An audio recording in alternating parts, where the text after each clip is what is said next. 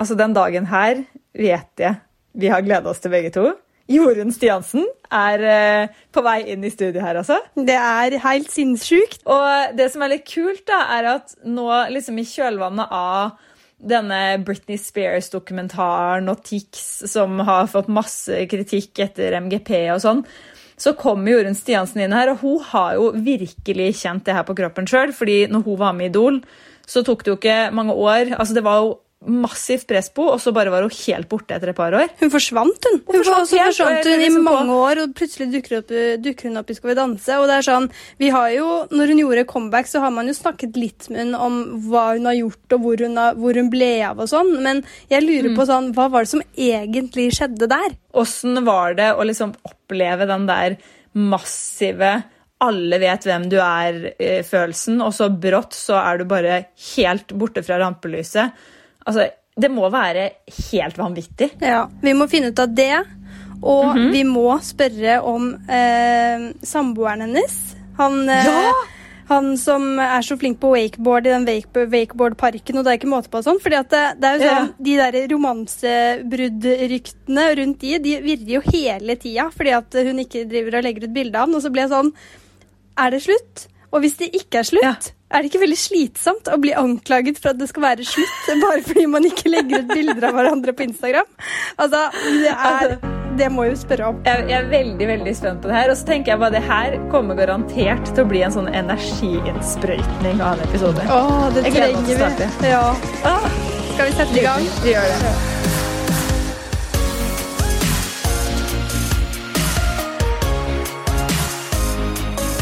Jorunn Stiansen, velkommen til pod-ish-studioet vårt. Takk! Tusen! Ja. Ja, det er kjempekoselig her. Tusen. Ja.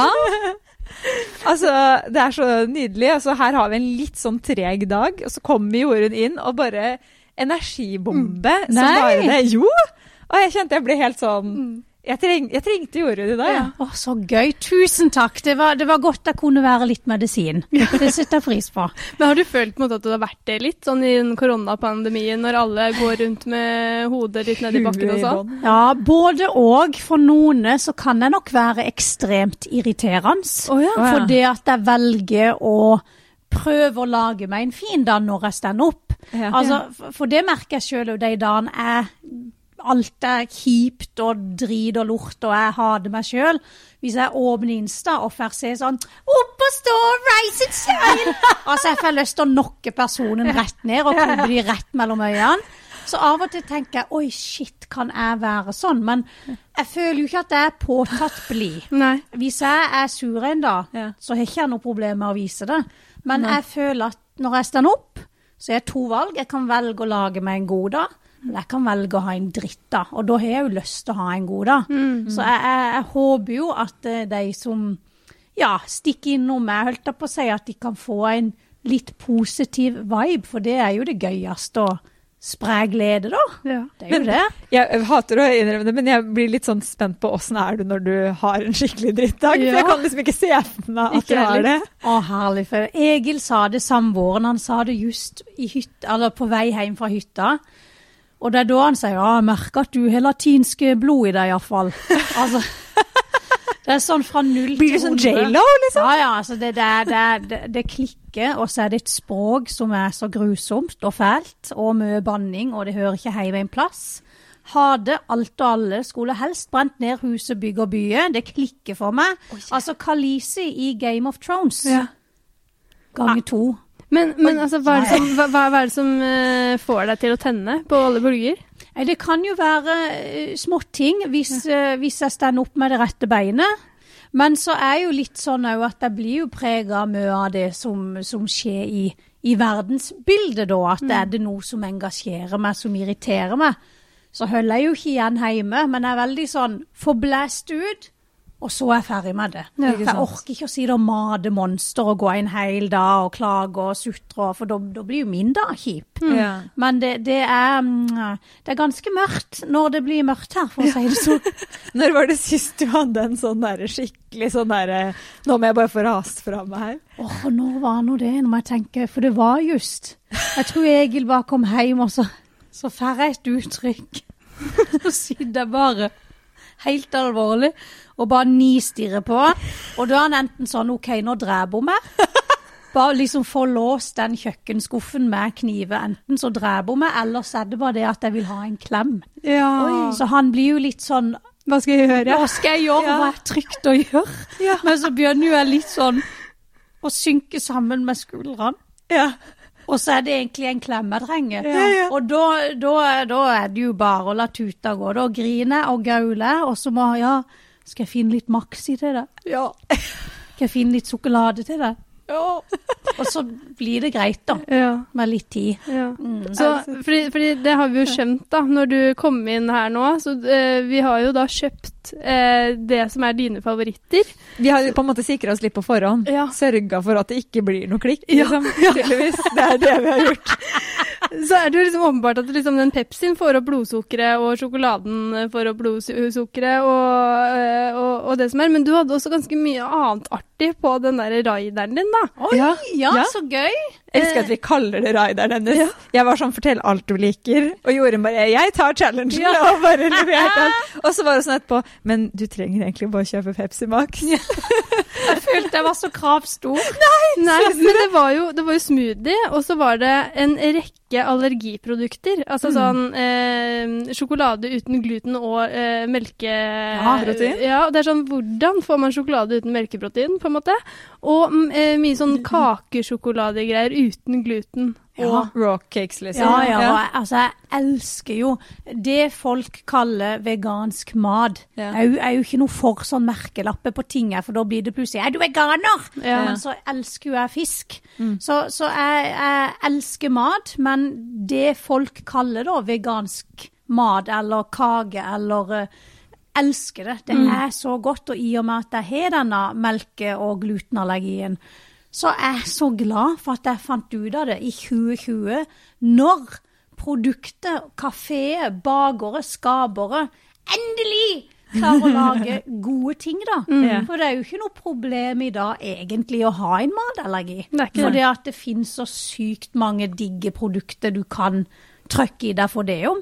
Så, sånn som bakst og sånn nå. Å, herre min. altså donuts, jeg fant ut at de hadde veganske donuts. Det var gluten i de. Jeg måtte prøve ei, jeg reagerte ikke, så jeg kjøpte ei til. Så det er så deilig.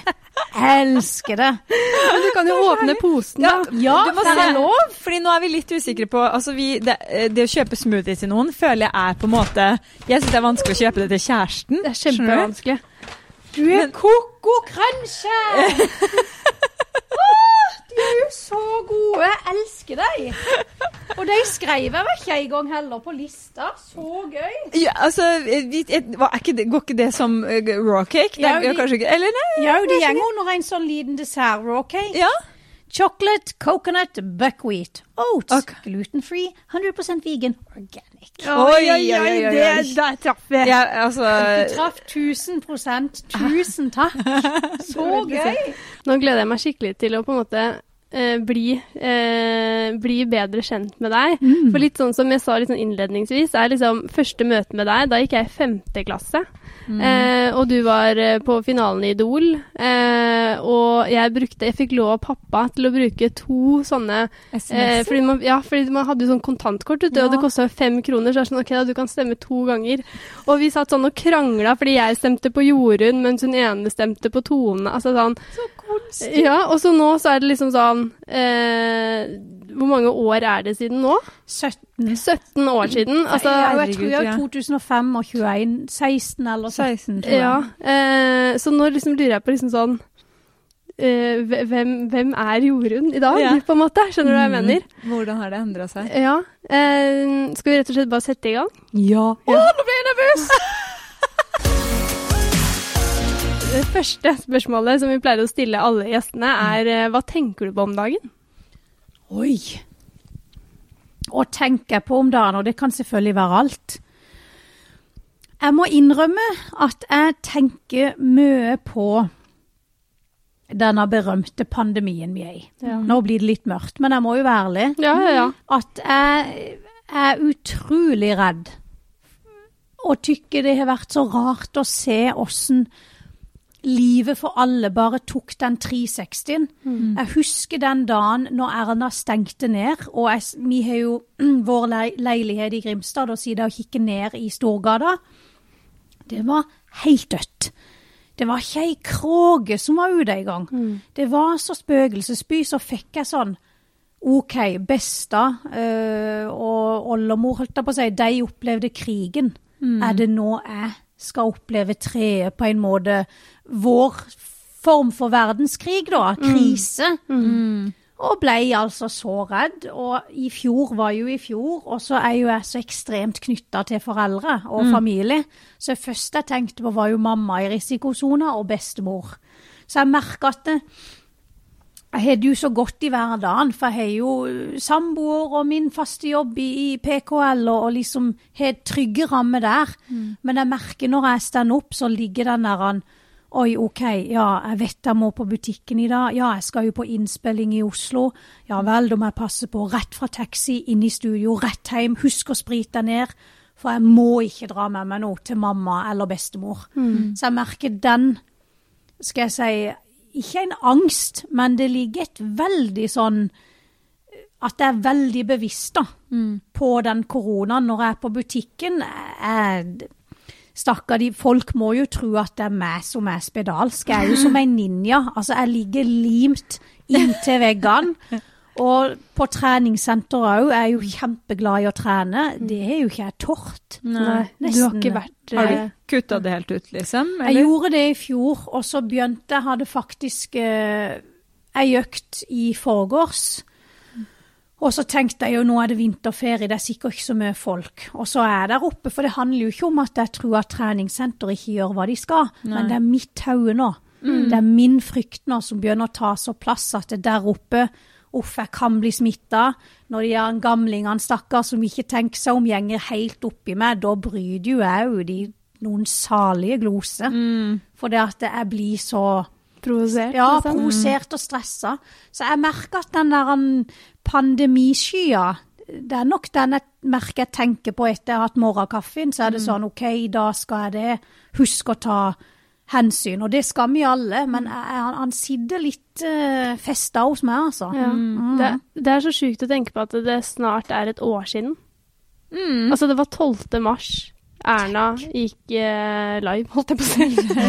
Eh, det er snart et år siden. Vi er snart i mars. Altså sånn, eh, og det har vært et år, sånn som du sier, sånn der man våkner opp, og så eh, Det har på en måte blitt et ekstra gjøremål, bare det å planlegge hvordan man skal komme seg gjennom dagen eh, mest smittevernsmulig. Skjønner du hva jeg mener? Sånn, det er en helt sånn merkelig måte vi lever på, og nå er det blitt normalen, liksom. Ja. Men hvordan har det siste året vært for deg, da? Altså, nå, ja, som sagt, sånn, nå har vi snart vært et år med i pandemi, på en måte. Hvordan, hvordan har det vært? Åh, jeg, jeg pleier å si eh, med hånda på hjertet at jeg har hatt det så godt og vært så heldig, for det har jeg. Jeg har jeg bor eh, 40 minutter unna familien min, og Vennesla eller Grimstad har jo ikke vært i sånn megastreng lockdown. Og jeg har jo som sagt min faste jobb eh, i Postkodelotteriet og alt ekstra, det med å ut og opptre eller konferansiering eller sånn noen ting, det mista jo alle. Men, men jeg har hatt en trygghet i den faste jobben, og bare det har jo vært så Åh, så godt mentalt å vite at jeg har jobb, da. For Tenk hvor mange som har mista den. Men jeg synes det er så interessant, for det er også lurt på, veldig sånn, du sier sånn, eh, jeg har den faste jobben min og sånn, fordi det er litt sånn, eh, sånn med kjendiser da, sånn som med deg liksom, så ser man dem på, vi ser dere på TV her og der og sånne ting, men det er sånn, hva er det dere egentlig jobber med?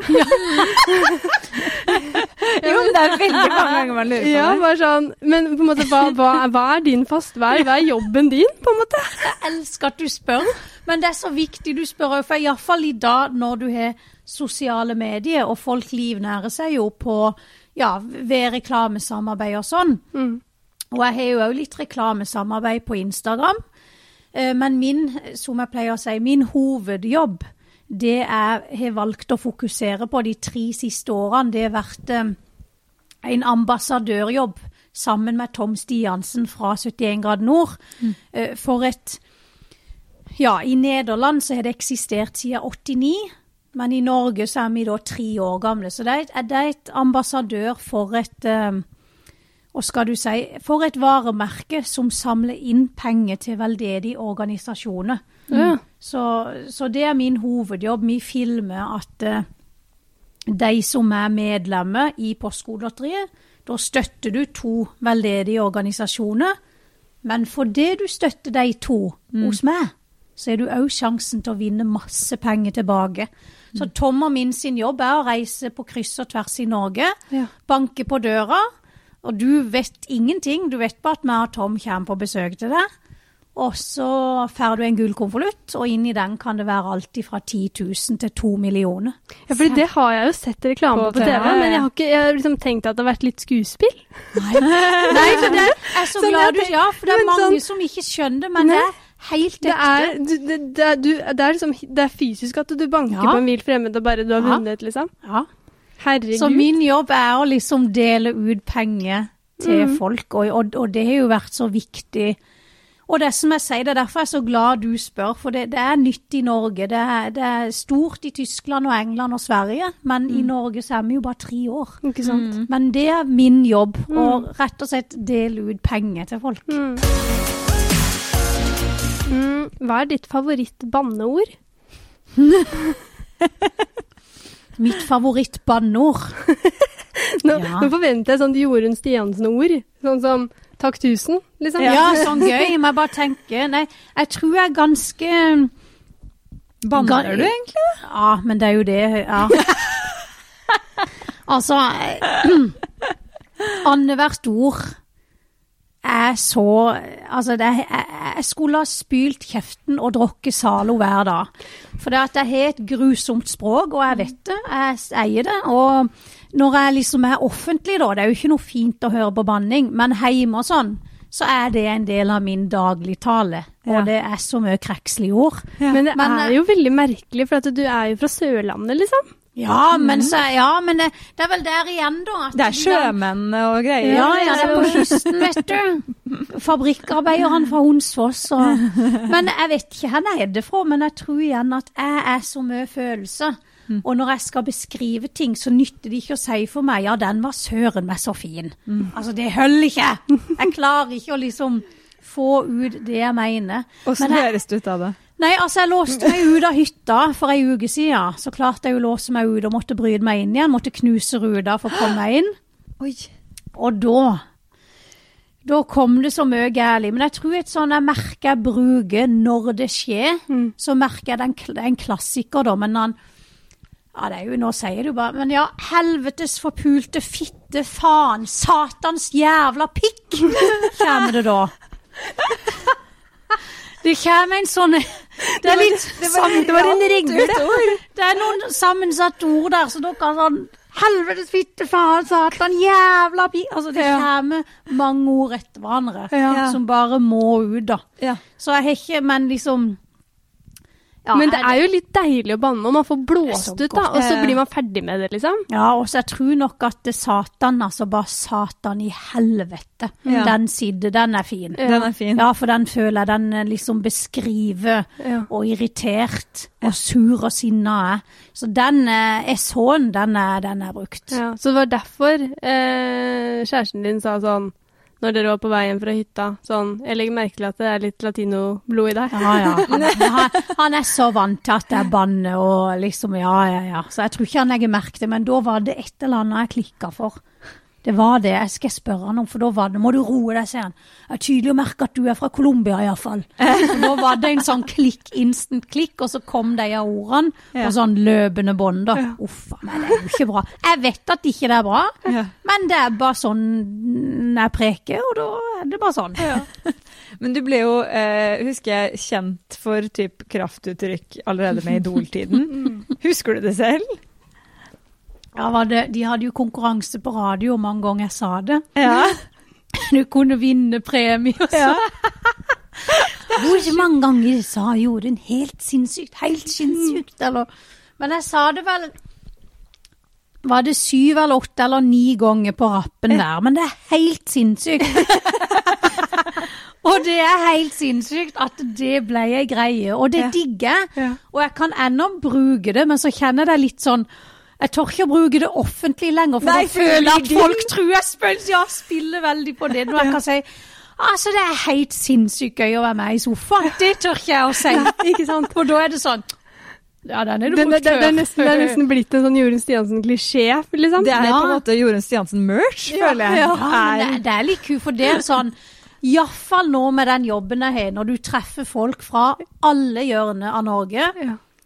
Og tror du det første er når jeg banker på døra eller ringer de, folk sier ah, 'Er det Jorunn, ja? Det er helt sinnssykt!' Det er fortsatt. Til og med Alltid. 17 år etter. Ja, ja. Men blir du, ikke 17 år litt, blir du ikke litt lei?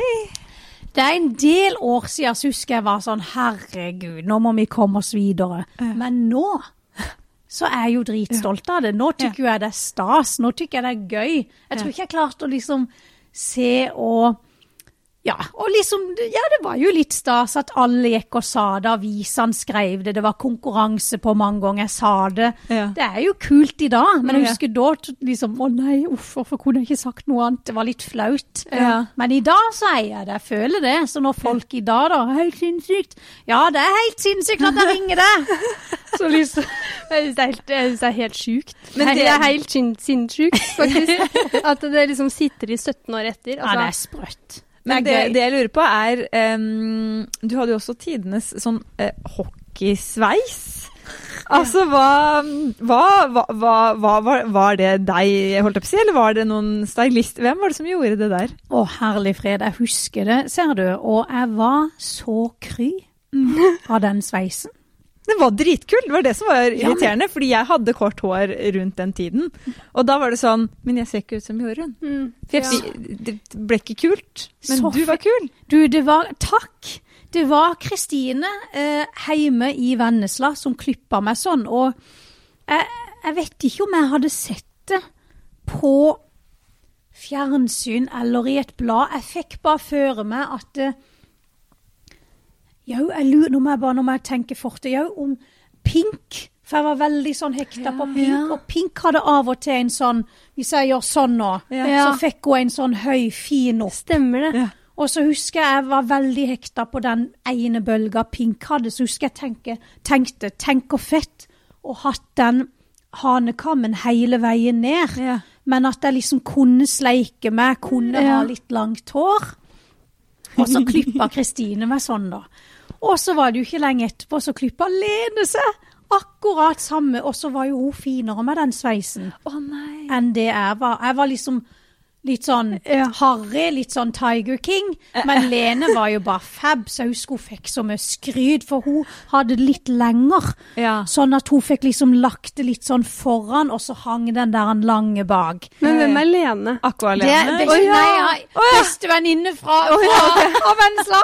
Men Aqua-Lene hadde ikke hun. Jeg òg mente hun hadde sånn, skjønner du. Ja. Du Så Lene, tenkte bare det Aqua For Lene. det var, det var liksom litt inn, men jeg tror Ja. det var mange som de tør Det var jo bare meg og bestevenninne Lene fra Vennesla som Ja. hadde den Ja. sveisen. Ja. Som jeg iallfall husker. Men jeg husker jeg var Jeg følte meg så kul, og når jeg kunne lage sånn Sonic-sveis, ha, hanekammen hele veien ned, og guttene tykte jo det var litt kult, og, og så husker jeg jeg følte meg liksom sånn følte meg kul, men så følte jeg meg fin òg. Ja. Ja. Å, det er nydelig! Jeg er så glad for at jeg har fått historien bak det håret, fordi altså, det har jeg tenkt på i så mange år. Mm. Det var liksom, Du var definisjonen på kul, og så var det liksom hvite cowboystøvler og Ja. Det var mye greier. Og store solbriller. Ekstremt store Ja. har de ennå. Og så barnetøyet fra Jese. For det er det jeg har Den, den um... Barnetøyet. Ja, for jeg fant ut at Herman, så Mi høyde og vekt på den tida. Jeg passa jo størrelse tolv år Ja. fra Jese. ja, så det var jo billigere det Det var jo billigere, fikk jo mer for pengene. Ja, ja, ja. Så jeg var jo inne på Jese og handla seggebukse og T-skjorte og den grønne skategenseren. Ja, ja. Den grønne skategenseren som jeg hadde på auditionen når vi var Ja. i Sandviga. ja. Og jeg tror det var sånn 500 skulle bli til 100, eller hva det var. Da hadde jeg jo fullt JC-outfit. Men det var jo så mange som lurte på om jeg liksom er jo gutt, eller liksom er jo jente, jente, ja, er hun glad i jenter, eller liksom som ikke Ja. klarte å liksom plassere meg på grunn av stilen min. Ja. Ok, så de følte at du øh, var liksom litt for Enten, guttete? enten må det være eller? gutt, eller så må det være lesbisk, på en Yes, måte. ja, Yes. og det husker jeg jeg ikke klarte å forstå. Ja. Nei. For jeg var jo så trygg på, på, på meg sjøl, og at jeg likte gutter. Og jeg, jeg hadde jo just gått ut ifra et tre år langt forhold med en gutt, så jeg var Ja. så sikker på meg. Men jeg har jo alltid vært så guttete, og liksom Ja. Ja, vokst opp med, med tre eh, fetter og en bror, og lekt krig og biler og Power Rangers og alt som er.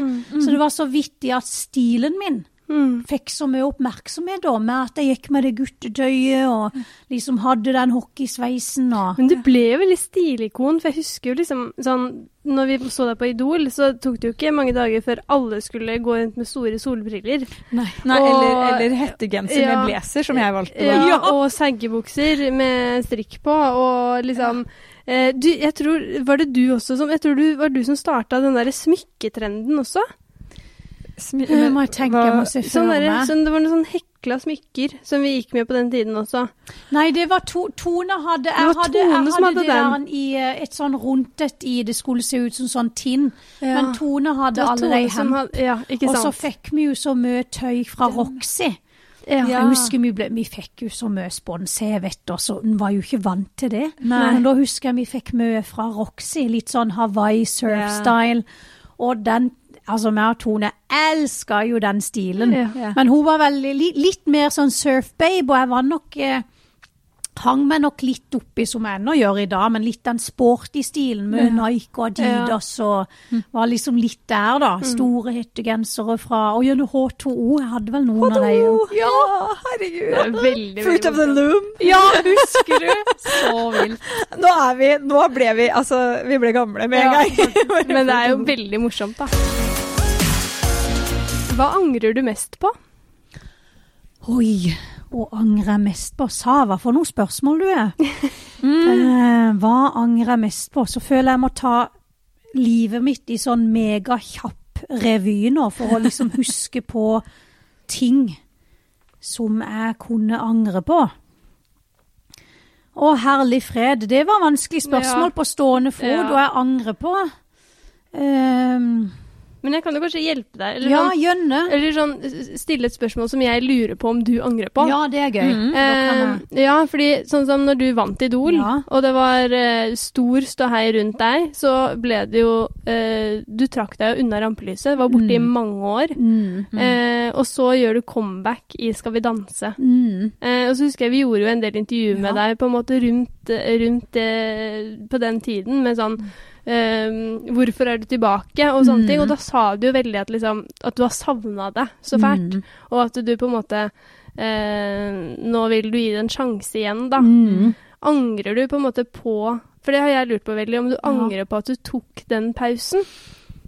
Åh, jeg tror i mitt mørkeste øyeblikk eh, så tror jeg, eller så husker jeg angra Eller nei, nå skal jeg bytte ut ordet angra med å hade. Jeg hader meg sjøl. Det er jo mye verre, kanskje, men jeg husker jeg angra ikke, men jeg hader meg sjøl for at ikke jeg takla det presset jeg sjøl pålag meg. For det som jeg sier til folk, min drøm har vært å være en del av underholdningsbransjen siden jeg var tre år. Når jeg var tre år med bilde av det, så sa jeg skulle enten bli, skulle bli TV-dame og rockedame. Det var det jeg skulle bli. Og når jeg da endelig kommer meg inn med en fot i bransjen, og så går jeg til topps, jeg vinner Idol første gang ei jente vinner det, på en sesong med ti, som er tidenes mest sette, så takler ikke jeg det.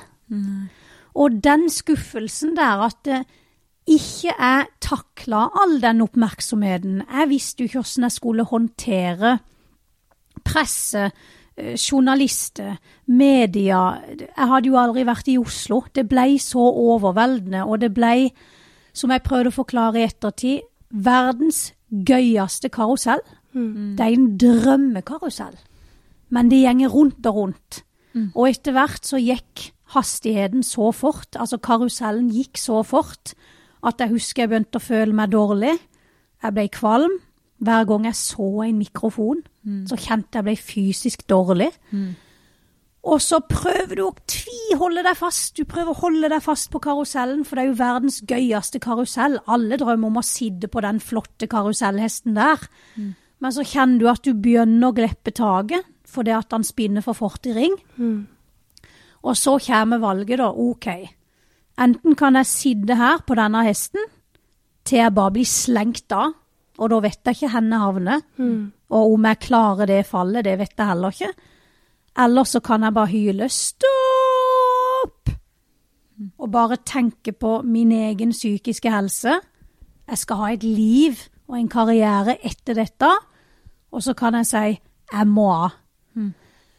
Og jeg husker jo eh, Ja, det kosta så mye å gjøre det og si det, og jeg følte meg som verdens største dritt og taper og feig jævel som ikke takla det jeg hadde jobba meg opp for, og det at Norge òg stemte på meg og ville ha meg som vinner, det var så, det var så stort. Jeg var så takknemlig og ydmyk. Men kroppen klarte det ikke der og da. Så jeg liksom Jeg har ikke angra på at jeg valgte å gå av karusellen, for jeg måtte. Altså, min psykiske helse var avhengig av det. Men jeg hata meg sjøl for at jeg gjorde det. Så om en kan kalle det å angre, nei. Jeg liksom, det irriterer meg at ikke kroppen var klar. Og liksom, det er en del der. En musikkglede, en del av meg som jeg elsker, og som jeg savner, og som jeg bare mista. Fordi at jeg klarte ikke å ta vare på meg sjøl sånn jeg burde, da. Men jeg har jo aldri vært i tvil om at jeg Altså, jeg elsker underholdningsbransjen. Jeg elsker å være på TV. Jeg elsker å prate i mikrofon og være foran kamera. Dette er min arena. Men jeg mista en del av meg som, som jeg har vært så glad i, da. Så eh, den må jeg ta tilbake. Jeg har nok ikke klart det ennå. Jeg tror det er en del av meg som ennå liksom straffer meg sjøl for at ikke jeg var sterk nok. Og så har du den idiotiske stemmen på skuldra. Ja, men du er jo ikke god nok. Du, du fortjente egentlig ikke å vinne. Du, er, du, er, du vant bare på sjarm. Altså, den lille stemmen sitter nok ennå hos meg. Og så tror jeg jeg trengte de årene hjemme og fikk meg en jobb med barn og ungdom. Jobba som eh, ungdomsarbeider. Og i den tida der så lærte jeg så mye om meg sjøl, og fant verktøy på åssen jeg på en måte skulle ja, reparere meg sjøl igjen, da. Og så tar det jo så lang tid at jeg kanskje ikke helt liksom reparert ennå, men jeg er jo den dagen når jeg eh, ble med eller sa ja til å være med i Skal vi danse, altså jeg, jeg er så klar. Jeg var så klar, for det at jeg, som sagt, denne bransjen elsker. Og jeg skal være en del av den, for jeg vet jeg har noe å tilby. Men når du da har den der lille dritten på skuldra, som sitter og roper inn i øret ditt at ja, men du er jo ikke god nok. Den kampen der, den tror jeg ennå driver og liksom dealer med. Men han er ikke så sterk som han var i 2007-2008, når jeg ga meg. For det, da måtte jeg, for da klarte jeg ikke å holde fast lenger, liksom. Men, Men, men eh, hadde du hatt sånne tanker om deg før, eller var på en måte Idol eh, og det som fulgte med på å bidra til at du jo, altså den, den personen dere ble kjent med som kom inn på TV 2 i det auditionrommet med hockeysveis og guttetøy fra JC, naiv og verdensmester, det er jo meg. Det, er, det var meg på ekte. Og jeg hadde jo en uskyld og et syn på verden som Jeg var så klar, jeg var så åpen for alt. Men igjen, da. Det var ingen som kunne forutse, eller som skjønte at Idol 2005, den sesongen, ble så stor som han gjorde. Altså, vi hadde egne Securitas-vakter. Vi fløy helikopter på turnérunde, liksom. Det var helt Ja, det var helt sinnssykt. Og det var ingen forberedt på. Og når du stender der 20 år og ikke vet hvordan du skal takle alle de inntrykkene, alle de følelsene. Det var ikke noe mal eller noe sånn guide på hvordan takle å bli hele Norges idoljord. Det var ikke noe bruksanvisning. Og liksom Det er derfor jeg sier jeg tror det blir feil å angre og ønske meg tilbake til 2005 igjen for at jeg skulle ha vunnet, naila ut ti album og bare vært konge på haugen. For du kan jo ikke kontrollere åssen kroppen din reagerer på gitte situasjoner og ting. Det kan man ikke. Og jeg liksom var helt sikker på at jeg nailer dette. Altså, gi meg verden. Jeg, jeg skal kjøre hele veien, jeg. Og så plutselig sier kroppen noe annet til det. Mm. Og den dialogen da du har med en hjerne og et hjerte som vil Du, du vil bli den neste, holdt jeg på å si, Wenche Myhre. Men så har du en da kropp som bare Tror ikke det, nei. Du skal ligge litt og ta litt pause, du. Det er en veldig sånn Men det er jo på en måte ikke så rart heller. Du er jo 21 år på dette tidspunktet. Du har aldri vært med på noe lignende eh, før. Og i tillegg så skal det bli så mye mer enn det som man på en måte trodde at det skulle bli. Altså sånn eh, Den styggen på ryggen da, som du mm. Beskriver. Eh, hva, hva gjorde du på en måte når du trakk deg unna? Liksom, oppsøkte du hjelp? Altså hvordan på en måte kom du deg på en måte opp på beina igjen, da? Jeg tror øh, den første tida, altså det var så flaut å reise hjem til Sørlandet og Vennesla. Å du milde Pernille. Flaut? Fortell, hvorfor det? Jeg, skamma meg så.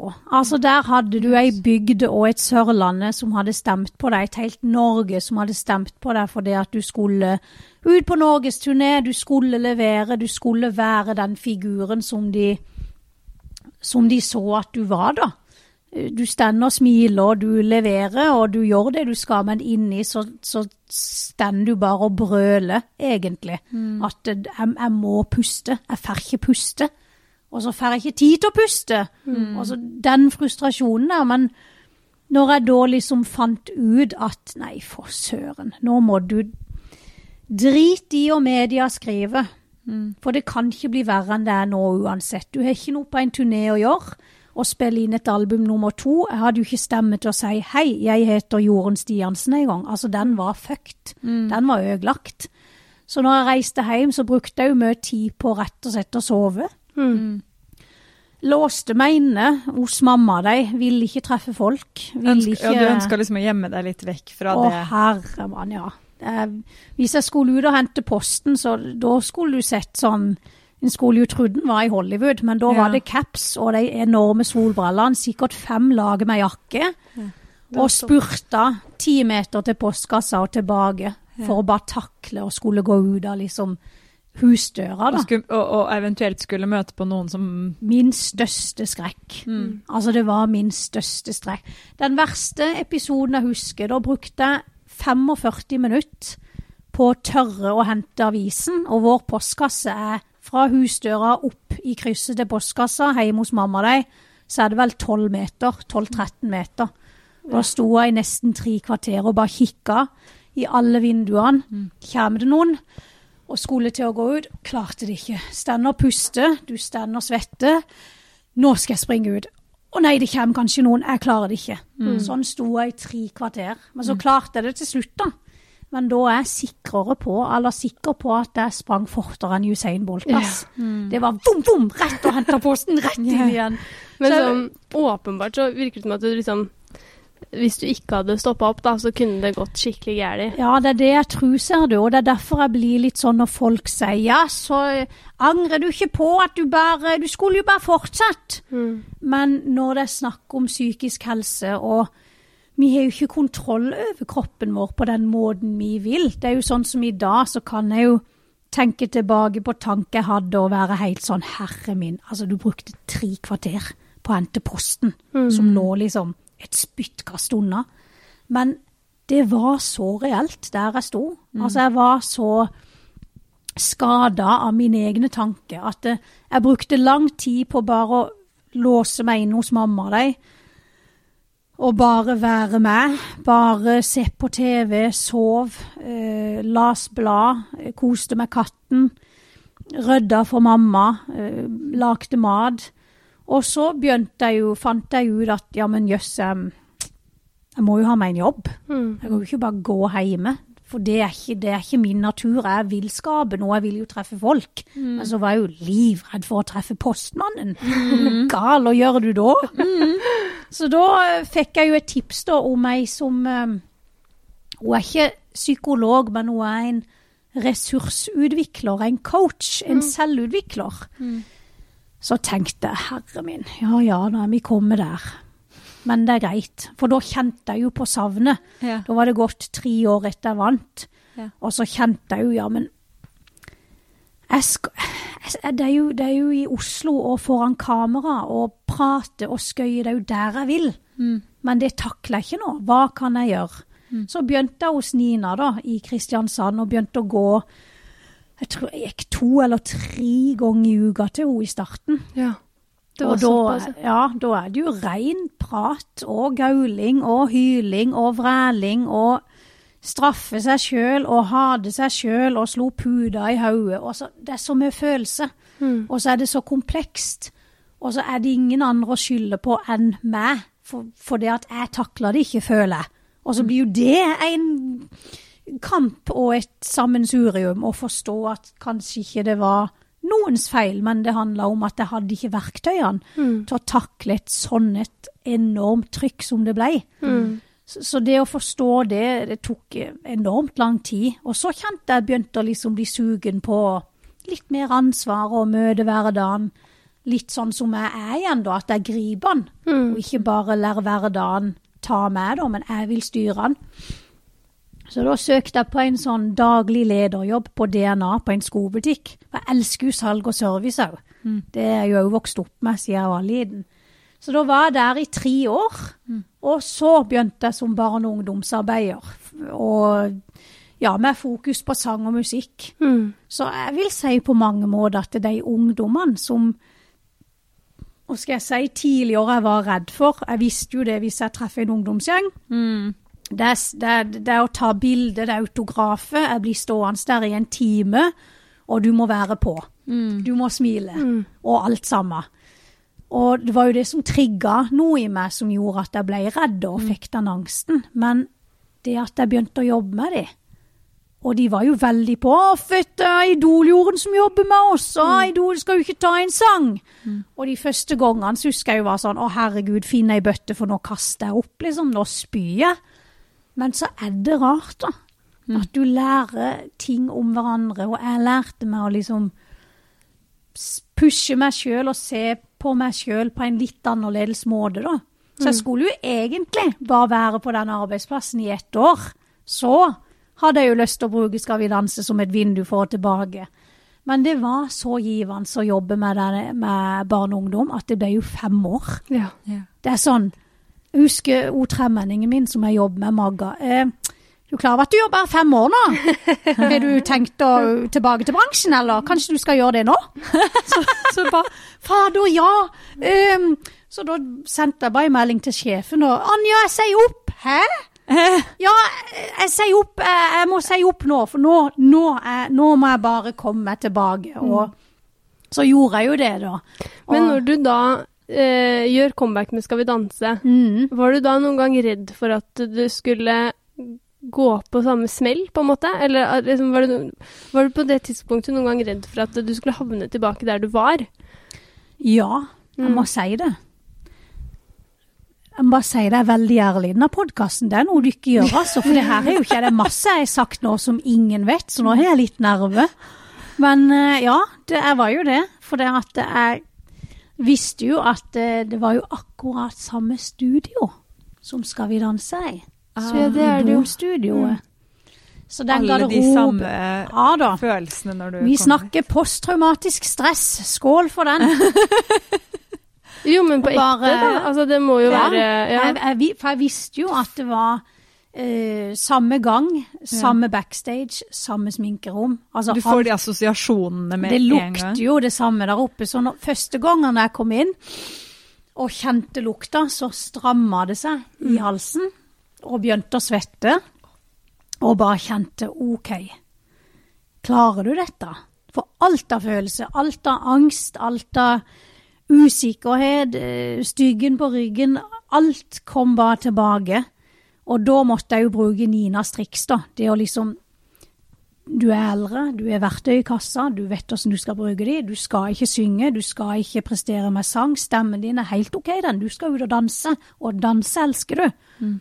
Så jeg husker jeg jobba veldig mye med meg sjøl underveis. Og så igjen, Skal vi danse har jo vært en drøm i alle år. Altså, jeg elsker jo å danse. Så jeg var så gira på grunn av at det var dans, og så kjente jeg jo det òg at jeg savna folk så. Ja. Jeg savna underholdningsbransjen, så jeg er så klar for dette. Og så var det en trygghet å vite at jeg hadde noen verktøy i kassa for når denne angsten melder seg, og hva jeg skulle gjøre. Så, Du var litt mer forberedt, på en måte? Litt mer forberedt, og det at en har nå vet, en, eh, altså nå vet jeg hvordan jeg skal takle media, jeg vet hva jeg skal dele og ikke, for liksom Ja, at jeg skal føle meg trygg, da. Det med grensesetting når du er 20 år og folk sier 'sånn og sånn må du gjøre', og det er voksne folk som du stoler på og har vært lenge i bransjen, du tør jo ikke å Så gjør liksom, du det. Du gjør det, Ja, ja. for all del. Mens nå var jeg litt mer sånn nei, dette her er på mine premisser, og dette gjør jeg for meg. Og eh, så skal vi danse var superpositivt, og Nina var jo sånn, nå ringer du meg hvis du, hvis du kjenner på noe, nå bare ringer du. Så jeg hadde jo hun med meg hele veien, og, og liksom Egil òg, samboeren, som har vært megastøttende på Skal vi danse. Han var jo sånn, kjør på! Og dette klarer du, så jeg hadde jo liksom en gjeng, heiagjeng med meg òg, som òg kanskje visste litt mer hva en sånn en stor produksjon, da, hva det vil si å være i. Mm. Og det òg var digg. Er det sånn nå i senere tid at du, når du vet hva du har gjennomgått, da du sier du kjenner jo fortsatt den skaden, Mm. når du ser um, folk havne i litt den samme posisjonen nå, det har vært f.eks. mye diskusjoner rundt reality-deltakere. da. Mm. De går fra å være på en måte eh, Ida fra Toten til å brått ringer medier og, og alt, ikke sant? Mm. Til f.eks. Tix, da, som vi ser um, er veldig åpen og ærlig og, og vinner Grand Prix. Mm. Er det noen ganger når du ser disse eh, som skyter til stjernestatus i dag, at du tenker sånn Det der er ikke sunt? Eller at du Mm. kjenner på det på noe vis? Jeg føler, jeg føler veldig med de. Og så føler jeg jo igjen på mange måter Jeg snakka med, med manageren min om det, at tenk hadde det vært sosiale medier i 2005. Mm. Og jeg husker jo den dag i dag kommentarer som jeg las på dataen henne hos VG når vi hadde sånn Det var jo satt av sånn sånn nettmøte! ja, sånn nettmøte! Det var sånn I dag, Tone, Ali og Jorunn, så skal dykke ned på VG, for da skal dykke eh, liksom møte fansen, da. Da kunne de spørre oss om hva de ville. Og da var du sånn, du sa da chatta og trykka enter, da kom det opp sånn Oi, nå svarte jeg Harald fra Hedmark, liksom. Ja. Det var jo så sprøtt. Ja. Så jeg tenker sånn En del av meg er så glad for at ikke vi hadde Facebook, Insta, sosiale medier i den tida. Ja. Og for, for da var det jo liksom Det var brev, og folk møtte jo opp. Folk lå jo med kamera i buskene hjemme hos mamma, de. Er det sant? Altså fans, liksom? Ja, er det sant? ja. ja. Helt vilt. Mamma de måtte jo trekke før gardinene hjem, for det var folk som gikk fram og tilbake foran huset, Mm, ringte på om jorden var hjemme. og Helt sånn der en absurd.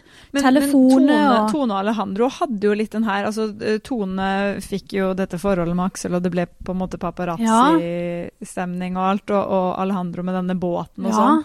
Så dere opplevde jo på en måte sånn der, så nærme man klarte å komme et Hollywood-liv i Faktisk. Norge. Faktisk, Ja. Det nærmeste mange har Ja. kommet et Ja, Tollywood-liv i og- Norge. Og det er så gøy du ikke sier det, for jeg, jeg blir litt sånn Jeg tror mange kimser litt av det. Ja. Og uh, iallfall dagens ungdom uh, kan ikke relatere seg til det, men sånn som oss, da, som husker det, Ja. og folk som er på min alder, som husker hvor stort det var. Igjen, da, det er derfor jeg sier jeg føler som er de som jeg ser gjenger på smellet i dag i bransjen. For det at én ting er bransjen, og den kan vi jo snakke mye om, men tenk hva de må forholde seg til sosiale medier, til drit på Snapchat, på Facebook, altså alle de nettrollene. Jeg hadde jo aldri takla det. Jeg husker jo at uh, hun produsenten i Monster, etter, for da fikk jo jeg selvfølgelig lest noen stygge kommentarer som kom opp da, når vi gjorde de VG-intervjuene. De husker jo jeg ennå. Ja. 17 år etterpå så husker jeg de stygge kommentarene. Så det der med hvordan du skal ivareta eh, personer som, som, eh, som velger å være offentlig. For jeg føler den der han Ja, men du velger det sjøl. Det er ingen som tvinger deg til å være kjendis. Ja, men du velger jo sjøl å, å putte deg sjøl ut der. Det er så lett å dra den. Og liksom Jeg så på den debatten med Tix at eh, ja, men du må jo tåle litt. Du må tåle såpass. Nei. Vet du nå at jeg tykker man skal det? Tykker, jeg tykker man skal altså, se på individet, og så må man akseptere at vi er forskjellige. Og måten jeg takler ting på, er jo helt annerledes enn hva f.eks. Alejandro. Åssen måte han takla Idol på. Men jeg tror alle skjønner jo at det var kjempevanskelig for han når han da kjøpte den båten, og det som skjedde, skjedde. Og liksom, og oppmerksomhet det var, og åssen oppmerksomhet det fikk, og måten folk prata til han og om han Om på. han på, ja. og, og han hadde jo manager da, så de tok jo selvfølgelig mye av støyten, men igjen da, når du er det, det er jo et resultat av noe, tenker jeg. Men jeg tenker sånn, eller syns du at det er eh, et godt nok apparat da, rundt eh, liksom spesielt eh, nye eh, deltakere av f.eks. si The Voice, Mhm. eh, Idol, eh, Melodi Grand Prix, når man på en måte er relativt ukjente inni et program som gjør deg kjent, syns du det på en måte er er eh, satt av liksom nok ressurser? Er det nok apparat blant liksom, aktørene til å ivareta liksom, deltakerne, på en måte? Ja, det er jo blir litt vanskelig å svare på, for jeg, jeg vet jo ikke hvordan på en måte hva skal jeg si, apparatet rundt det enkelte programmet er, og mye ressurser de er satt av til det. Men, men, Men, liksom, eh, i, da- du vant i 2005, for det her er jo superaktuelt nå med Britney og Framing Britney, hvor, hvor, man, hvor man får se hvordan ting var eh, i forhold til mental helse. da. Men hvordan var det for deg da? Var det noe apparat den gangen? Nei, vi Liksom? snakka jo ikke om det. Nei. Nei. Nei, det er ikke mange år siden. Det er jo her, det her som er så sykt. Det er jo ikke så mange år siden pappa sa 'jeg visste ikke du hadde det sånn'. Nei. Jeg sa det ikke hjemme. Nei. Jeg tykte det var så flaut. Så jeg har nok i intervjuet der jeg egentlig kanskje hadde lyst til å bare liksom ja, bryte sammen og bare si 'kan du hjelpe meg', liksom. Så har jeg bare stått og liksom 'nei da, det er så greit, og alt er helt topp jau, og jeg er litt fri', og kommer til Altså, skjønner du? Ja. For, du, det var liksom ikke um, Det var ikke rom for da, tror jeg, å prate om mental eller psykisk helse på den måten, da. For da var det liksom det der glitter og glem, og det var andre ting som, som på en måte kom i bresjen for åssen er det egentlig du takler det. Mm. Og samme med Kurt òg, tenker han var jo den første som vant Idol, og det året der. Det var jo det at Kurt vant, det var jo det som gjorde meg sugen på å melde meg på. Men jeg, jeg visste jo ingenting om konsekvenser eller hva som kunne skje. Er du forberedt på dette? Og det var ingen som tok det med deg heller? Liksom. Ikke som jeg husker, iallfall. Mm. Så en måtte jo bare veien bli til mens du gjenger på den, og så må du bare lære deg å, å håndtere det som kommer underveis, da. Så, og- men jeg, jeg, vil jo tro, og jeg håper jo å tro at uh, i dag, der vi heldigvis da snakkes åpent om mental helse, og vi har jo flere profiler og artister som i dag har stått åpent fram, både om selvmordstanker og liksom det med depresjon og angst, og det, det er så vondt, men det er så bra. Det er så godt at det er blitt en arena for det, men jeg tror ennå vi har jeg tror ennå vi har har litt igjen når det gjelder å se individet og prøve å, å liksom forstå hverandre bedre, da. Vi er litt kjappe ennå til å liksom dømme hverandre og ja, men det må du tåle. Og dra det der han kortet at ja, men Du velger det jo sjøl å være kjendis. Det, det er liksom fort å skylde på det og dra fram det kortet, da. Og det, er litt, eh, det tykker jeg er litt urettferdig, egentlig. For er jo, jeg er jo en person sjøl om jeg har valgt å være offentlig. Og sjøl om jeg har valgt å være offentlig, så har jeg jo shitloads med følelse og tanke underveis. Mm. Men det glemmer vi litt, tror jeg. Men jeg, Nei. bare, jeg syns det er skikkelig kult at du eh, er så åpen og prater, fordi, prater om det sånn som du gjør, fordi det er så viktig, da. Spesielt sånn som vi ser nå når flere begynner å prate om det, så er det liksom Mm. Det er den eneste måten til å kanskje få det til å bli bedre på, da. Ja, det er jo det, og jeg må jo Det skal jeg jo eh, Jeg kommer til å ringe til manageren. Jeg sa alt! Altså, for det er jo første gang jeg har sagt mye av de tingene jeg har sagt til dere nå. Det har jeg jo aldri sagt før. Og jeg kunne sikkert Det er jo typisk meg å liksom drive og, og pønte på det. Men så er jeg vel kommet litt der og at jeg er lei av det. Jeg er lei av å pønte på det. Jeg er lei av å si jo, jeg tok et valg om å ta en liten pause, for en var jo litt sliten etter tiendens uke. Jeg kjenner jeg er lei av å, av å si det, og så tror jeg når folk kommer til meg Ja, Jorunn, det var jo så vilt og bra med deg i 2005, du var jo knall, og så hørte vi jo ingenting.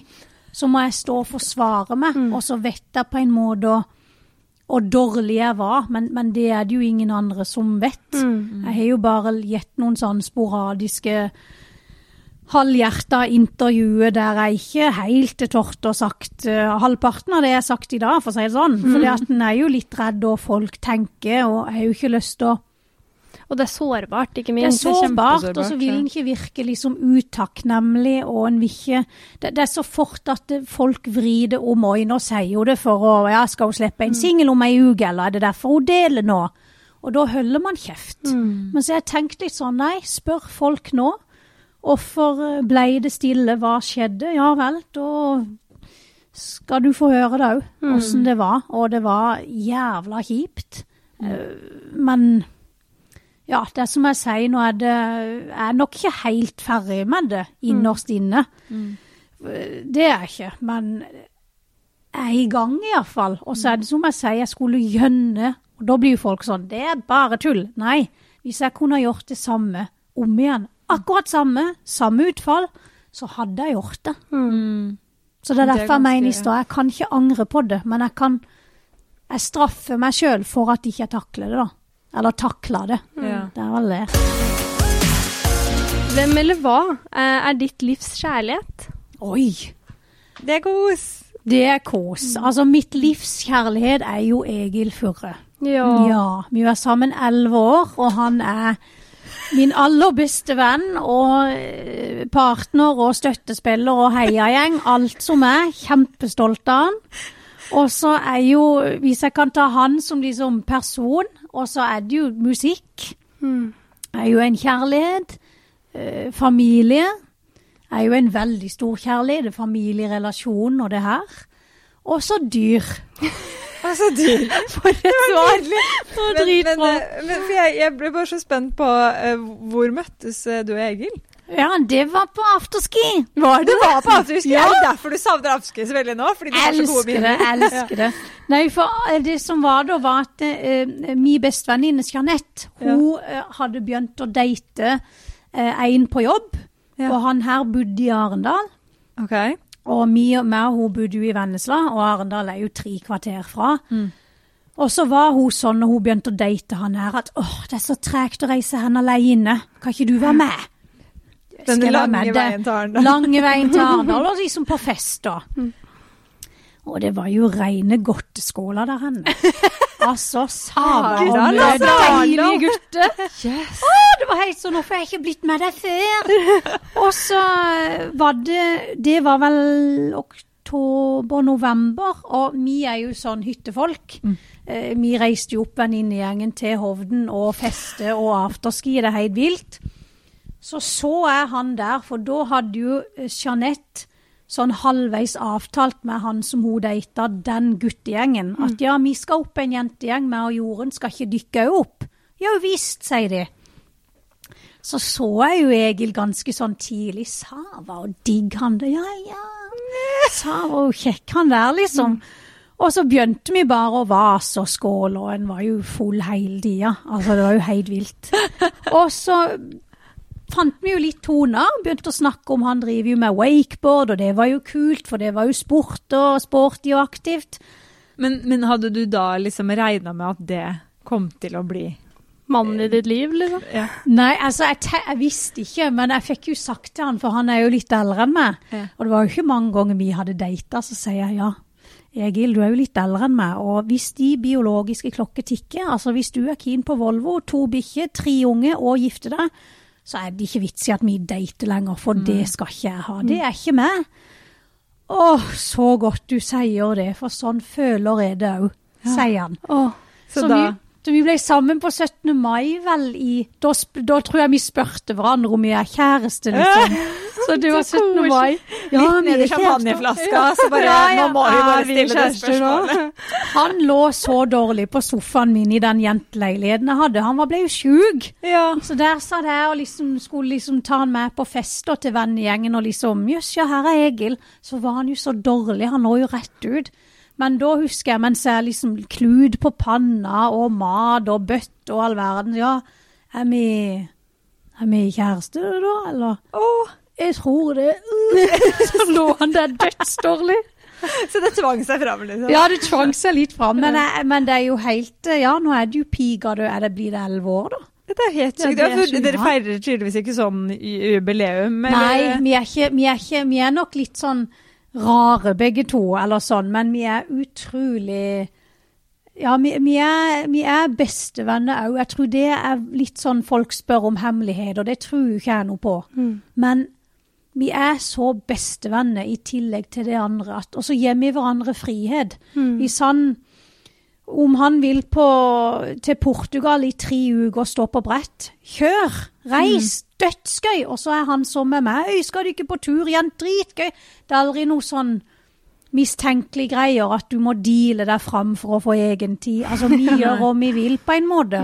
Vi lar hverandre være oss sjøl, og så er vi kanon i sammen, da. Og det kjenner jeg det er litt er digg, altså. Men Du har jo vært veldig klar på liksom dette med at du skal aldri gifte deg. Ja. og eh, aldri få barn og den pakka der. Eh, det, jeg syns det er veldig kult da, når du på en måte er liksom så bestemt på det. Bare sånn, Vi har vært sammen i elleve år, men vi skal ikke gifte oss, liksom. Nei, Hva- jeg, det er liksom ikke Det har aldri vært en drøm for meg å gifte meg. Jeg har aldri sett føre meg sjøl som hvit brud og bryllupskake og åssen fest jeg skulle hatt. Det er liksom Det er ikke mitt gen, på en måte, men men nå er det jo ikke til å stikke under en stol at uh, det er jo det økonomiske aspektet med å gifte seg. Men så tenker jeg det må jo være andre ting av kontrakt og greier du kan gjøre for, å, for at begge skal være sikra. Så det er jo en ting vi prater om, at uh, når vi har vært sammen så lenge, og, og det er jo oss. Det, det, er jo, det er jo begge enige om. Det, det er jo meg og han. Men, eh, men ingen av oss har liksom lyst på et sånn klassisk bryllup. Jeg kunne ikke sett det før meg. Nei. Men er det liksom Fordi det tenker sånn eh, er det, For det høres ut som det er mer den eh, kaka og kjolen og det som er problemet, på en måte. Men sånn Hadde dere vært typen som stakk på rådhuset på en fredag, liksom, og Ja. fikk papirer? For jeg tenker papiret gjør jo ikke så mye annen forskjell, som du sier, enn at du, du får det kanskje litt lettere, da. på Ja, jeg noen- tror nok meg og han er mer typen til det. At vi sier ikke noe til noen. Og så gjeng vi bare på rådhuset. Må jo ha et vitne, da. ja. Og så bare stille under bordet, og så ikke gjort noe mer ut av det. Eh, hvor vil du helst bo? Oi! Altså, jeg følte jeg grinte meg til det spørsmålet her. Jeg er veldig spent på det. Jeg er sjalu på dette huset du har. Altså, fortell. Altså, vi bor jo i leilighet midt i Grimstad sentrum. Ok, det er leilighet. Det er leilighetene er 97 kvadrat. Stor Eh, leilighet. Perfekt. Stor for oss som bor i Oslo, ikke stor for de som bor i Grimstad. Nei, ja, det kan, for jeg føler jo sånn, jeg føler jo det er sånn at det er en liten leilighet. Men, men Altså, jeg bor Det på er ikke sånn. 38. Ja. Ja, Men men, det er ikke så, sånn det ja. er. Men er- vi bodde i 56 før, og det var jo helt konge for oss. Ja. Så nå at jeg har et gjesterom, er jo bare sånn jøss, er det sånn det føles? Luksus! Kjempedeilig. Så jeg må si at eh, energien og viben som er på Sørlandet Jeg er sørlandsjente, altså. Jeg, jeg kunne veldig gjerne tenkt meg en leilighet i Oslo som jeg kunne ha når jeg er på jobb. Og liksom sånn som ja, når verden blir normal en gang. Altså ha en leilighet, masse ja, jobbfeste, ting og tang du bør og er med på. Tenk hvor deilig kunne Ha en leilighet. Ja. Så det, det har jeg tenkt litt på. Men å bo, så må jeg si Grimstad er hei kanon. Litt mindre enn Arendal, men litt større enn Lillesand, føles det. Og så er det jo så nærme hjemme. Så jeg kjenner sånn Målet er å bygge hus. Ja. Ja. Til Egils store skrekk. Oi! Men jeg, ja, han, ja, han vil ikke det. For det, er så Altså, vi er Mye litt jobb, sånn liksom. Mye jobb. Ja. Vi vil heller bruke tida på å trene, kjøre wakeboard, surfe, okay. stå på snowboard, være på hytta. Men å skulle styre meg et hus, det er PS. Okay. Men jeg er sånn at jeg har så lyst på et hus som jeg kan pynte til jul. Altså et julehus. Så jeg tenker det må jeg få opplevd.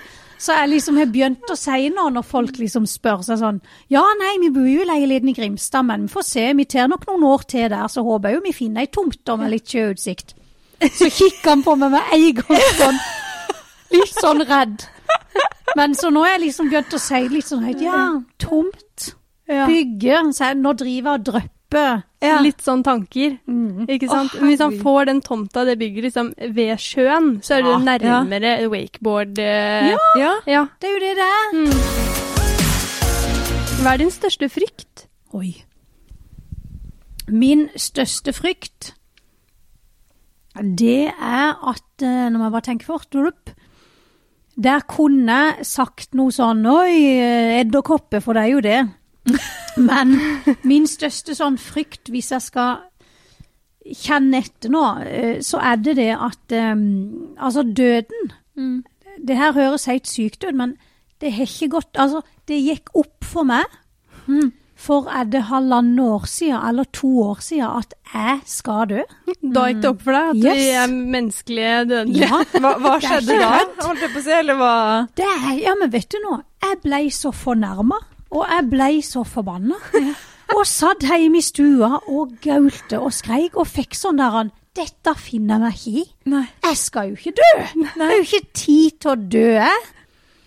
Og det var jo et sjokk at jeg skulle dø, men etter besta dø. Og det er vel nå øh, Det er syv år siden med far John, så det er seks år siden besta døde. Og de to, besta og far, har jo vært som mine foreldre. Altså Jeg pleier å si jeg har hatt fem foreldre. Mamma, pappa, far John, øh, mor Lillian, og besta var jo alene, da. Ja. Fem foreldre. Så når da far John, bang sa det, døde med tøflene på, Ja. så ble jeg altså så fornærma og sjokkert. Ja. Altså at døden kom og tok han på det viset. Ja. Og bare nei, nå skal ikke han være med i ditt liv lenger. Og det at det gikk opp for meg da at Besta skal reise, mor Lillian skal reise, pappa og mamma, de er nest i rekka, så ble jeg så redd. Ja. Så det merker jeg Nå fikk jeg nesten litt dødsangst. For jeg ikke Ja, jeg, Ja, kan ikke, jeg, sitter, jeg skjønner kan ikke tenke på det, for du får Nei, den ja, når du får får sånn. den. Ja, for det var det jeg ville si. Det du sier nå, det gikk så innpå meg at Egil òg sa nå må du kutte ut. For det ble nesten så galt at jeg torde jo ikke på jobb her i Oslo. Ja. For jeg var redd at eh, mamma eller mor eller um, pappa skulle daue mens jeg var her på jobb. Mm. Så det merker jeg at det gikk opp for meg at døden er her, den skal ta oss alle. Men vi snakket jo litt om det i stad, eh, med sånn der hva er det du egentlig jobber med, på en måte. Ja. Litt sånn der, eh, ja. eh, men sånn, du kan jo, sånn som du også sier, sånn, eh, mye av det du gjør er jo også sånn samarbeid som du gjør via Instagram og sånn, så du står jo egentlig veldig fritt til å på en måte kunne jobbe med hva du vil, da. Ja. Mm. Hvis du kunne valgt hvem du skulle få en lønnsslipp fra neste gang, Oi. hvem skulle det vært? Hvem som helst, altså. Hvem som helst. Salte for noen gode spørsmål. Mm. Tenker jo umiddelbart du burde få et samarbeid med Pepsi Max. Altså, du Åh, ja.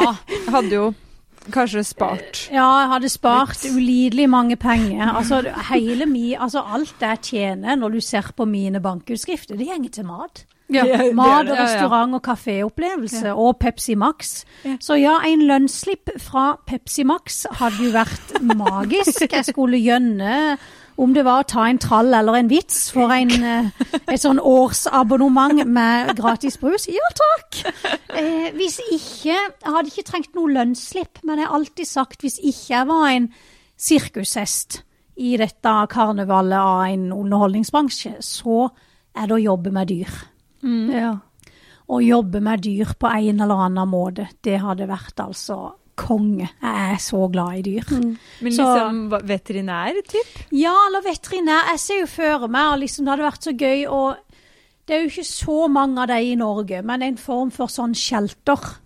Altså, nå, Ja. nå er jo dyrepoliti snart oppe og gjenge i de fleste fylker. Ikke helt ennå, men altså En eller annen form for sånn redde dyr eh, i nød, gi de et godt heim, pleie, stelle de. Engasjement innenfor det, på en Ja, måte. det hadde vært sabla gøy. Har, Der du- har du ikke- dyr selv, Ingrid? Jeg er jo vokst opp med katt. Ja. Så jeg er jo sånn katte, kattedame, men jeg er jo allergisk mot det meste av pelsdyr. Åh, Det er litt feil. Du, det er så trett. Jeg jobba jo, det gjorde jeg òg når jeg hadde den DNA-jobben, den skobutikkjobben, så jobba jeg òg i Dyrebeskyttelsen i Agder, på et katteheim. Og jeg tok jo OD, jeg tok jo overdose på sånn, sånn allergipille, så vi hadde jo middag hos svigermor. Så begynte jeg jo sånn, over Ja. kompemiddagen. Så var jo panna rett ned i kompemiddagen. Jeg var så rusa på det. Og da Egil, og det med deg, har du drukket? Så skjønte han jo nei, hun har jo vært på katteheim og jobba, så hadde jeg tatt litt for mange sånne allergipiller. Det var helt vilt.